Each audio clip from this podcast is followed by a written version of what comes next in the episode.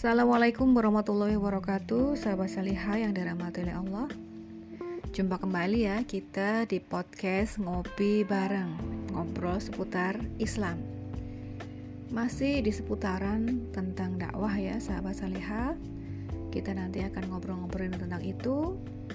Dan tentunya masih ingat ya Dan ini merupakan ayat Quran yang sudah cukup dikenal juga tentunya oleh para sahabat salihah sebagaimana firman Allah SWT dalam Quran surat Ali Imran ayat 104 dan hendaklah ada di antara kamu segolongan umat yang menyeru kepada kebaikan menyuruh kepada yang ma'ruf dan mencegah dari yang mungkar. Merekalah orang-orang yang beruntung.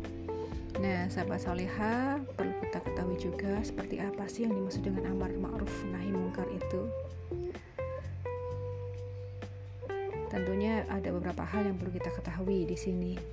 Yang pertama adalah terkait dengan amar ma'ruf nahi munkar ini adalah hendaknya kita juga pandai dalam bidang Al-Quran. Kita tahu setidaknya ya apa yang ada dalam Al-Quran sunnah dan sirah Nabi Sallallahu Alaihi Wasallam dan khulafaul para khulafaul rasidin. Setidaknya itu bisa kita jadikan sebagai rujukan ya. Bagaimana ketika, ketika kita nanti mau melakukan aktivitas amar ma'ruf nahi mungkar. Dan yang selanjutnya, yang kedua, hendaknya pula kita tuh bisa membaca situasi orang-orang yang sedang kita dakwahi. Baik dalam urusan bakat, watak, dan akhlak mereka atau singkatnya mengetahui kehidupan sosial mereka, mengetahui background mereka, latar belakang mereka itu seperti apa. Sehingga agar kita tidak salah langkah ya ketika mendakwahi mereka ketika kita menyampaikan risalah Islam itu kepada mereka. Tentunya sebagaimana yang pernah saya sampaikan kemarin beberapa hari yang lalu juga beberapa waktu kemarin kita harus bisa memilih dan memilah ya siapa yang kita ajak bicara siapa yang kita dakwahi. Kita nggak mungkin ya kemudian berbicara terkait dengan dakwah ini terkait dengan Islam itu kepada orang yang mereka memiliki keilmuan yang lebih tinggi ibaratnya sarjana seorang sarjana dengan tukang beca atau seorang sarjana dengan ibu-ibu penjual sayur di pasar yang mereka tidak memiliki pendidikan yang tinggi. Tentunya bahasa yang kita pakai berbeda ya para sahabat seleha. Mengapa? karena latar belakang mereka, background mereka itu juga mempengaruhi pola pikir mereka ketika nanti menerima menerima apa yang kita sampaikan. Harapannya nanti ketika kita bisa memilah dan memilih bagaimana ke, bagaimana ketika kita itu menyampaikan dakwah ini tidak akan salah langkah. Dan selanjutnya pada poin yang ketiga adalah hendaknya kita juga mengetahui bahasa umat yang dituju terkait dengan dakwah yang ingin kita sampaikan. Sebagaimana Rasulullah Wasallam sendiri memerintahkan kepada para sahabat mempelajari bahasa Ibrani karena beliau perlu berdialog dengan orang-orang Yahudi yang menjadi tetangga beliau dan untuk mengetahui hakikat mereka. Masya Allah, Subhanallah, Allah Akbar. Seperti itu ya tata Rasulullah sendiri pun belajar ya, belajar bahasa Ibrani. Demi apa? Demi supaya nanti ketika berdialog dengan orang-orang Yahudi itu Rasulullah bisa menyampaikan Islam dengan bahasa mereka. Nah, ini merupakan salah satu uslub bagaimana ketika kita itu mendakwahkan kepada orang lain. Nah, tentunya kita nggak perlu jauh-jauh ya para sahabat seleha. Cukup kalau saya sendiri sebagai orang Jawa ya Jawa Timuran itu ada Jawa Timur sendiri itu terbagi ya ada yang Jawa Timur yang agak ke barat itu mulai bahasanya udah sudah mulai agak berbeda dengan yang Jawa Timur agak tengah maupun Jawa Timur yang paling timur. Kalau Jawa Timur yang agak barat itu yang paling barat itu bahasanya lebih halus. Dan karakternya orang-orang yang ada di sana masyarakatnya tuh sudah sangat berbeda dengan Jawa Timur yang orang timuran yang paling timur sekali seperti Surabaya, Gresik, Sidoarjo itu karakternya juga sudah berbeda ya dibandingkan dengan Jawa Timur yang paling barat. seperti Madiun, Ngawi, Ponorogo, Nganjuk itu akan berbeda manakala ketika kita itu berdakwah kepada mereka. Karakter dan bahasa yang kita gunakan pun tentunya harus agak dibedakan meskipun sama-sama di provinsi Jawa Timur. Ini baru di Jawa Timur saja ya para sahabat salihah. Sementara ketika kita nanti mendakwahkan Islam itu tidak cukup hanya di wilayah kita saja. Ketika nanti ini harapannya ya para sahabat salihah ini eh, kita hanya membicarakan masalah sekup yang kecil saja. Tentunya para sahabat salihah tinggalnya berbeda-beda ya berbeda-beda dengan saya dan insya Allah para sahabat salihah pun lebih mengetahui karakter dan bahasa-bahasa semacam apa yang nanti akan dipergunakan ketika mendakwahkan Islam di lingkungan sekitar para sahabat salihah. Seperti itu.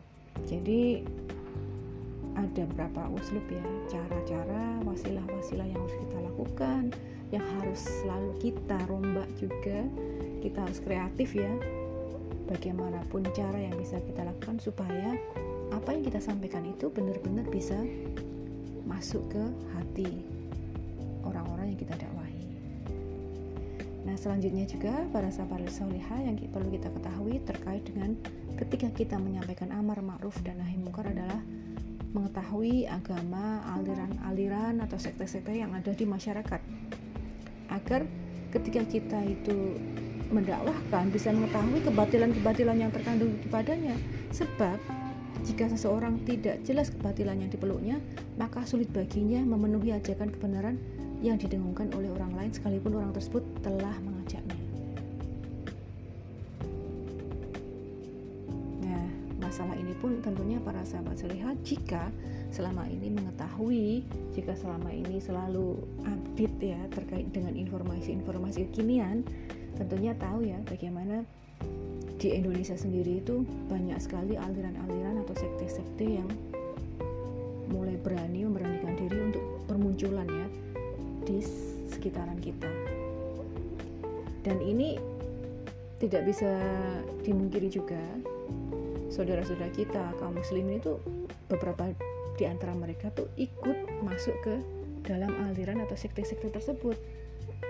Nah, ini PR juga bagi kita untuk sedikit ya tahu tentang apa-apa aliran-aliran atau yang ada di yang berkembang di masyarakat. Dalam rangka apa? Dalam rangka ketika kita itu mendakwahkan kepada mereka, kita bisa membongkar kebatilan-kebatilan yang ada di sekte-sekte tersebut. Sehingga harapannya ke depannya adalah mereka itu bisa kita rangkul kembali untuk memeluk Islam secara kafah secara lurus lagi. Dan pola pikir mereka tidak akan tercampuri dengan pemikiran-pemikiran yang dari sekte-sekte yang mereka ikuti. Seperti itu ya para sahabat sekalian.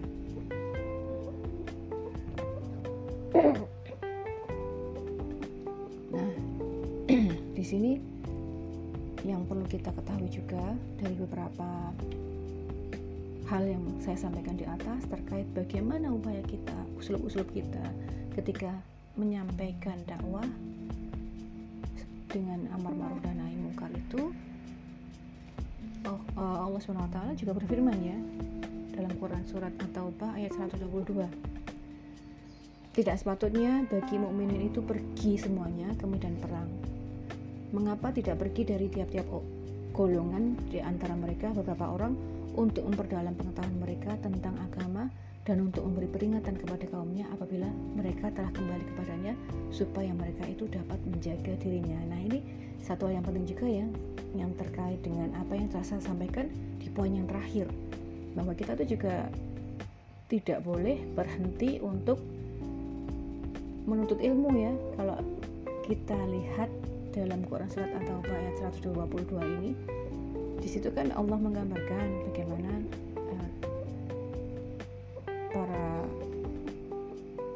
muslimin orang-orang mukmin yang mereka pergi ke medan jihad itu tidak diperbolehkan berangkat secara keseluruhan tapi dibagi. Sebagian ada yang berangkat sebagian lagi mereka itu memperdalam ilmu ilmu tentang Islam juga tentang pengetahuan juga dalam rangka apa? Dalam rangka ketika mereka nanti akan mendakwahkan Islam ter ketika terjadi futuhat pembukaan wilayah baru mereka bisa mengetahui oh seperti ini ya strategi yang harus kita lakukan yang harus kita berikan ketika futuhat di wilayah-wilayah yang berbeda dengan wilayah-wilayah yang lainnya juga. Sebagaimana yang diriwayatkan oleh Rasulullah yang disabdakan oleh Rasulullah telah diriwayatkan bahwa Rasulullah SAW ditanya tentang sebaik-baik orang, maka beliau menjawab, adalah orang yang suka memerintahkan kepada yang ma'ruf dan melarang kemungkaran, serta paling takwa kepada Allah dan suka menyambung silaturahim.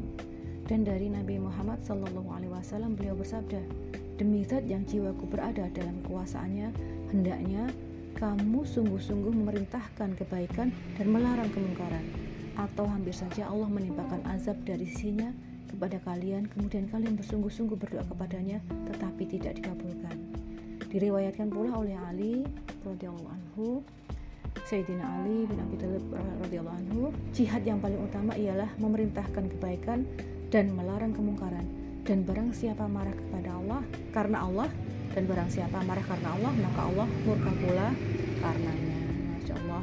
Jadi di sini penting banget ya para sahabat sekalian. Ternyata amar ma'ruf nahi mungkar itu sesuatu hal yang luar biasa yang akan kita dapatkan pahalanya di sisi Allah sehingga tetap semangat dan istiqomah ya para sahabat salihah untuk selalu menuntut ilmu dalam rangka apa memperkaya sakofah kita agar perjuangan kita nanti mendekatkan Islam kembali di muka bumi ini selalu diberi kemudahan dan mendapatkan keberkahan dari Allah SWT Insya Allah untuk sementara ini yang bisa saya sampaikan.